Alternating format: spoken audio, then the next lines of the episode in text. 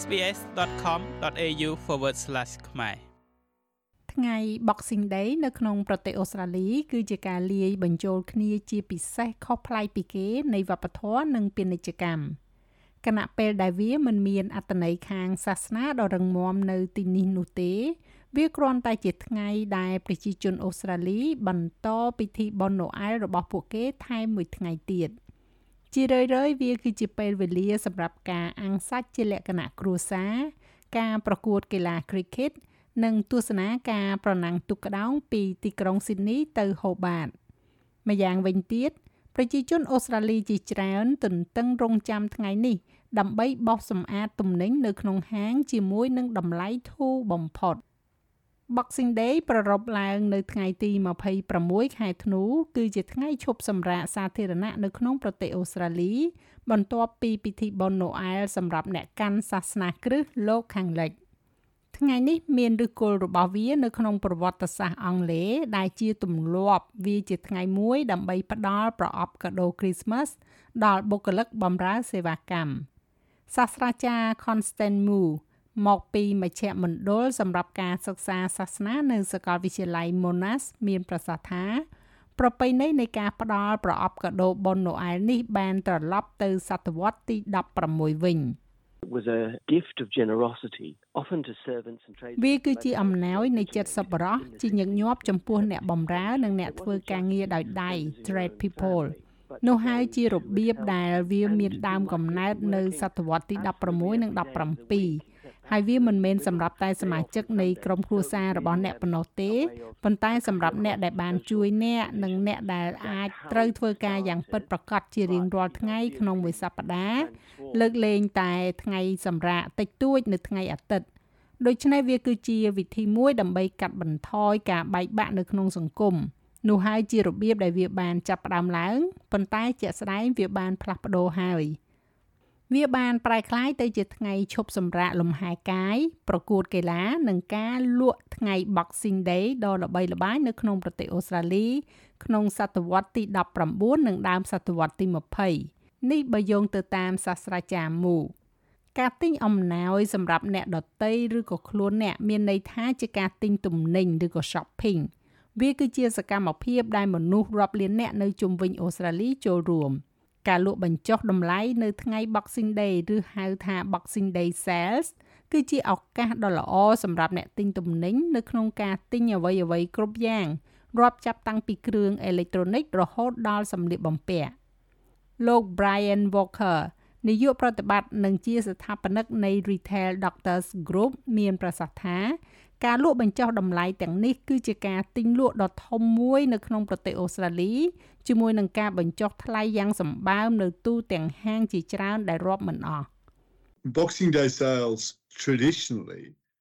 ការលក់បញ្ចុះថ្លៃនៅថ្ងៃ Boxing Day តាមប្រពៃណីគឺជាព្រឹត្តិការណ៍ទិញលក់រាយលំដាប់កំពូលនៅលើប្រតិទិនចាប់ពីថ្ងៃទី26ខែធ្នូប្រហែលជា7ថ្ងៃ ការលក់ប្រហែលជា23ទៅ25ពាន់លានដុល្លារគឺត្រូវបានធ្វើឡើងនៅក្នុងអំឡុងពេលនោះ នៅទូទាំងប្រទេសអូស្ត្រាលីហើយ Boxing Day ផ្ទាល់គឺនៅថ្ងៃទី26គឺជាថ្ងៃដ៏ធំបំផុតដែលមានការទិញលក់ប្រហែលជា3ទៅ4000លានដុល្លារ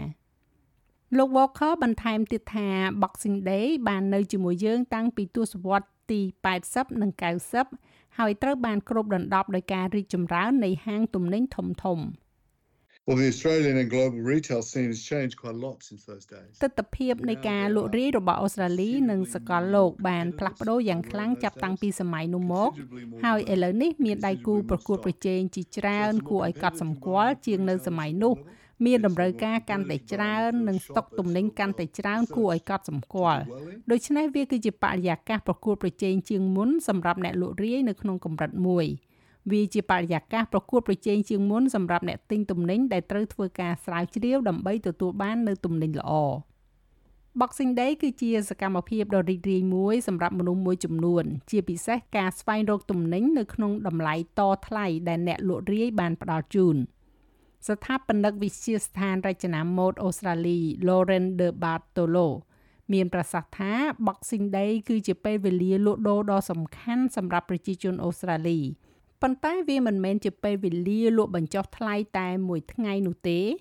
នៅក្នុងការនាំមុខមុនដល់ថ្ងៃ Boxing Day យើងមាន Click Frenzy នៅក្នុងខែតុលានិងវិច្ឆិកា Black Friday និង Cyber Monday នៅចុងខែវិច្ឆិកា from a fashion and lifestyle perspective តាមទស្សនៈម៉ូដនិងរបៀបរស់នៅ Boxing Day គឺស្ដីអំពីការទៅនិងទិញទំនិញដែលអ្នកប្រហែលជាមាននៅក្នុងបញ្ជីពងប្រាថ្នារបស់អ្នកមួយរយៈមកហើយហើយវាគឺជាឱកាសដើម្បីទិញពួកវាដែលដឹងថាវានឹងមានការបញ្ចុះតម្លៃយ៉ាងខ្លាំងអ្នកលក់រាយមានទំនោរនឹងទិញស្តុកចូលយ៉ាងច្រើននៅថ្ងៃបុណ្យណូអែលនៅពេលនោះនៃឆ្នាំដូច្នេះហើយ Boxing Day ពិតជាពេលដែលពួកគេត្រូវទៅបោះសម្អាតស្តុកដែលពួកគេទិញចូលមកបន្ថែមទាំងអស់នោះគណៈពេលដែលការលក់បញ្ចុះថ្លៃអាចមានភាពរំភើបវាចាំបាច់ណាស់នៅក្នុងការបង្កើតនៅកញ្ចប់ថវិកាបែងចែកចំនួនជាក់លាក់មួយសម្រាប់ការទិញទំនិញហើយកំណត់ត្រឹមថវិកានោះសាស្ត្រាចារ្យផ្នែកហិរញ្ញវត្ថុ Nadia Masul មកពីសាលាធុរកិច្ច Melbourne ពន្យល់ Uh, first you need to list the sources of ដំបូងអ្នកត្រូវរាយបញ្ជីប្រភពចំណូលឬក៏ប្រាក់ចំណូលហើយបន្ទាប់មករាយបញ្ជីការចំណាយដែលបានកំណត់ ហើយមានការចំណាយមួយចំនួនដែលថេហើយមិនអាចគ្រប់គ្រងបានទេនេះជាអ្វីដែលយើងហៅថាការចំណាយថេហើយមានចំណាយអថេដែលយើងត្រូវពិចារណាវាជាការសម្រេចចិត្តរបស់អ្នកហើយនេះគឺជាកន្លែងដែលអ្នកមានការគ្រប់គ្រងពេញលេញដែលអ្នកអាចធ្វើការជ្រើសរើសបាន។ លោកស្រីណែនាំអ្នកប្រើប្រាស់ឲ្យគិតពីការលក់បញ្ចុះថ្លៃនៅថ្ងៃ Boxing Day ថាជាឱកាសមួយដើម្បីកាត់បន្ថយចំនួននៃការចំណាយថេសរុប។ if you have children and they are growing in ប្រសិនបើអ្នកមានកូនហើយពួកគេកំពុងតែធំធាត់ឡើងហើយអ្នកត្រូវតែទិញស្បែកជើងសម្លៀកបំពាក់ឲ្យពួកគេនោះនោះអ្នកអាចមានគម្រោងទិញទុកជាមុនបានហើយទិញរបស់របរសំខាន់សំខាន់ទាំងនោះក្នុងអំឡុងពេលលក់បញ្ចុះថ្លៃនៅថ្ងៃ Boxing Day ការសម្រេចចិត្តដ៏ល្អតែការពិតអ្នកត្រូវតែប្រយ័ត្នកុំឲ្យចាយជ្រុល ដែលត្រូវប្រកាសថាអ្នកទិញរបស់របរដែលអ្នកត្រូវការវាជាការធ្វើកញ្ចប់ថវិកានិយាយម្យ៉ាងទៀតការចំណាយមិនគួរលើសពីចំណូលនោះទេរដូវកាលលក់បញ្ចុះតម្លៃដ៏ធំនេះចាប់ផ្ដើមនៅចន្លោះពីពាក់កណ្ដាលខែវិច្ឆិការហូតដល់ចុងខែមករាជារៀងរាល់ឆ្នាំជាមួយនឹងការចំណាយរំពឹងទុកប្រហែលជា70,000លានដុល្លារនេះបើយោងតាមលោក Walker លោកអ្នកអាចស្វែងរកការលក់បញ្ចុះថ្លៃតាមអនឡាញនិងនៅក្នុងហាងលក់ទំនិញនានាបាននៅថ្ងៃ Boxing Day វាពិតជាស្ដីអំពីវិធីសាស្ត្រដែលអ្នកចូលចិត្តក្នុងការទិញទំនិញតើអ្នកចូលចិត្តបែបណាជាងប៉ុន្តែជាមួយនឹងការកើនឡើងនៃការទិញទំនិញតាមអនឡាញលោក Walker និយាយថាវាជារឿងសំខាន់នៅក្នុងការទិញទំនិញដោយសុវត្ថិភាព know the retailer ensure that their actual online ស្គាល់អ្នកលក់រាយធានាថាដំណើរការអនឡាញពិតប្រាកដរបស់ពួកគេមានសុវត្ថិភាពពិនិត្យមើលព័ត៌មានលម្អិតអំពីធនាគារពិនិត្យមើលថាកម្មវិធីសុវត្ថិភាពទាំងអស់មាននៅកន្លែងនោះអត់ប៉ុន្តែខ្ញុំគិតថាច្រើនជាងអ្វីអ្វីទាំងអស់នោះគឺត្រូវស្គាល់អ្នកលក់រាយនោះដឹងថាគេហទំព័រនោះមានសុវត្ថិភាព ហើយអ្នកលក់រាយដែលមានគេឈ្មោះទាំងអស់គឺមានរបៀបធ្វើប្រតិបត្តិការដោយសុវត្ថិភាពហើយនឹងគេហទំព័រដែលមានសុវត្ថិភាពប្រសិនបើអ្នកសម្រេចចិត្តចុះទៅតាមផ្លូវនិងទិញទំនិញដោយផ្ទាល់ការស្រាវជ្រាវនិងរៀបចំផែនការទុកជាមុនអាចជួយអ្នកនៅក្នុងការរុករកនៅថ្ងៃ Boxing Day ជាមួយនឹងលទ្ធផលដែលអ្នកចង់បាន លោកស្រី De Bartolo ពន្យល់ម្ដងទៀត Research is good particularly if you're watching ការស្រាវជ្រាវគឺល្អជាពិសេសប្រសិនបើអ្នកកំពុងត្រូវឃ្លាំមើលកញ្ចប់ថវិកាក្នុងឆ្នាំនេះពីព្រោះវាពិតជាងាយស្រួលណាស់នៅក្នុងការចាយជ្រុលហើយនោះជាអ្វីដែលពាក្យពេចន៍នឹងការធ្វើទីផ្សារជាច្រើននៅជុំវិញការលក់ទាំងនោះជួយធ្វើឲ្យអ្នកចាយលុយវាជំរុញឲ្យយើងចាយប្រាក់ច្រើនជ្រុលប្រសិនបើអ្នកចូលចិត្តកិច្ចវេះការស្រាវជ្រាវនិងការដើរទិញអីវ៉ាន់នៅក្នុងហាងឬក៏មជ្ឈមណ្ឌលលក់ទំនិញ លោកស្រី De Bartolo ផ្ដល់ដំបូន្មានឲ្យរក្សាកញ្ចប់ថវិកានិងតម្រូវការរបស់អ្នកនៅក្នុងចិត្តខណៈពេលអ្នកកំពុងធ្វើការទិញដូរ There's a part of the brain called the reticular activating system មានផ្នែកមួយនៃខួរក្បាលដែលហៅថាប្រព័ន្ធ reticular activating system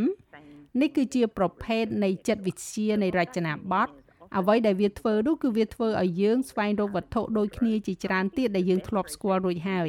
នោះអាចមានន័យថាជាញឹកញយយើងនឹងទៅស្វែងរករបស់របរដែលយើងមាននៅក្នុងទូខោអាវរួចហើយហើយការស្រាវជ្រាវដ៏ល្អបំផុតដែលអ្នកអាចធ្វើបានគឺរកមើលក្នុងទូកៅអៅរបស់អ្នកនិងនៅក្នុងផ្ទះរបស់អ្នកនៅអ្វីដែលអ្នកមានរួចហើយហើយកុំទៅទិញរបស់ដូចដូចគ្នានោះយកមកបន្ថែមទៀតឲ្យសោះប្រសិនបើអ្នកមិនត្រូវការវាទេក្នុងនាមជាអ្នកប្រើប្រាស់នៅក្នុងប្រទេសអូស្ត្រាលីវាជាការចាំបាច់ដែលត្រូវដឹងថាសិទ្ធិអ្នកប្រើប្រាស់របស់អ្នកត្រូវបានការពារយ៉ាងប្រសើរ ការដឹងនៅរឿងទាំងនេះអាចជួយអ្នកពីបញ្ហាជាច្រើន។នៅក្រោមច្បាប់អ្នកប្រើប្រាស់អូស្ត្រាលីអ្នកមានសិទ្ធិទទួលបាននៅប្រាក់បង្វិលសងត្រឡប់មកវិញ ការជួសជុលឬការជំនួសផលិតផលដែលខុសគ្មានសុវត្ថិភាព ដែលមិនសមស្របទៅនឹងការពិពណ៌នារបស់ពួកគេរក្សាបង្កាន់ដៃទិញរបស់អ្នកហើយកុំស្ទាក់ស្ទើរនៅក្នុងការលើកបញ្ហាជាមួយនឹងអ្នកលក់រាយស្នងការអង្គភាព Fair Trading នៅរដ្ឋ New South Wales លោកស្រី Natasha Mann ពន្យល់អំពីបញ្ហានេះ។ most products that you buy in Australia ផលិតផលភាគច្រើនដែលអ្នកទិញនៅក្នុងប្រទេសអូស្ត្រាលីមកជាមួយនឹងការធានាពីអ្នកប្រើប្រាស់ថាផលិតផលនឹងដំណើរការហើយវានឹងធ្វើតាមអ្វីដែលអ្នកបានស្នើសុំផលិតផលត្រូវតែមានគុណភាពដែលអាចទទួលយកបានដូច្នេះនោះមានន័យថាមាន3ចំណុច វាត្រូវមានសុវត្ថិភាពនិងជាប់បានយូរដោយគ្មានខូចខាត វាត្រូវតែមើលទៅអាចទទួលយកបានដូច្នេះគ្មានការកោសដាច់រលាត់ឬក៏ស្នាមអីនោះទេលោកស្រីម៉ាន់បន្ថែមទៀតថាវាគ្មានបញ្ហាអ្វីឡើយទោះបីជាអ្នកទិញតាមអនឡាញឬក៏ទិញពីក្នុងហាងលក់ទំនិញនោះទេ សិទ្ធិរបស់អ្នកគឺដូចគ្នាប៉ុន្តែវាកាន់តែស្មុគស្មាញនៅពេលដែលអ្នកបានទិញពីអ្នកលក់នៅឯបរទេស ហើយមានករណីជាច្រើនដែលអ្នកនឹងមិនមានសិទ្ធិទទួលបានការសងប្រាក់ត្រឡប់មកវិញឡើយ during the Boxing Day sales just ក្នុងអំឡុងពេលនៃការលក់បញ្ចុះថ្លៃថ្ងៃ Boxing Day ត្រូវប្រកាសថាអ្នកកំពុងតែទិញនៅអ្វីដែលអ្នកចង់ទិញ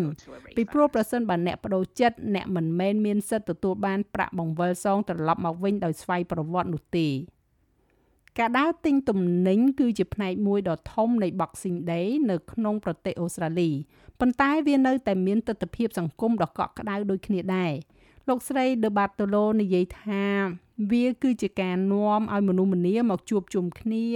សម្រាកនិងញ៉ាំអាហារដែលនៅសេសសល់ពីថ្ងៃបុណ្យណូអែល Boxing Day doesn't need to be a day that's about spending. Boxing Day មិនចាំបាច់ជាថ្ងៃដែលនិយាយតែអំពីការចំណាយនិងការដើរទិញទំនិញនោះទេ ចំណុចស្នូលនៃ Boxing Day សម្រាប់ប្រជាជនអូស្ត្រាលីជាច្រើន វាត្រូវបានគេចាត់ទុកថាជាថ្ងៃមួយដែលមនុស្សម្នាអាចសម្រាកបន្ធូរអារម្មណ៍បាន បន្ទាប់ពីភាពមមាញឹកនឹងការបន្ទិញបន្ទាន់ប្រញាប់ប្រញាល់ដែលបានកើតឡើងជាពិសេសនៅមុនថ្ងៃបុណ្យណូអែលនោះមនុស្សម្នាអាចមកជួបជុំគ្នានិងដកដង្ហើមមួយមួយសម្រាកហើយជាធម្មតាគឺញ៉ាំម្ហូបអាហារដែលនៅសេសសល់ប្រសិនបើពួកគេបានប្រារព្ធពិធីបុណ្យណូអែលនៅថ្ងៃមុននេះមួយថ្ងៃនោះ។ ចាស់ហើយរបាយការណ៍នេះចងក្រងឡើងដោយ Maram Ismail សម្រាប់ SPS និងប្រែសម្រួលសម្រាប់ការផ្សាយរបស់ SPS ខ្មែរដោយនាងខ្ញុំហៃសុផារ៉ានីចុច like share comment និង follow SPS ខ្មែរនៅលើ Facebook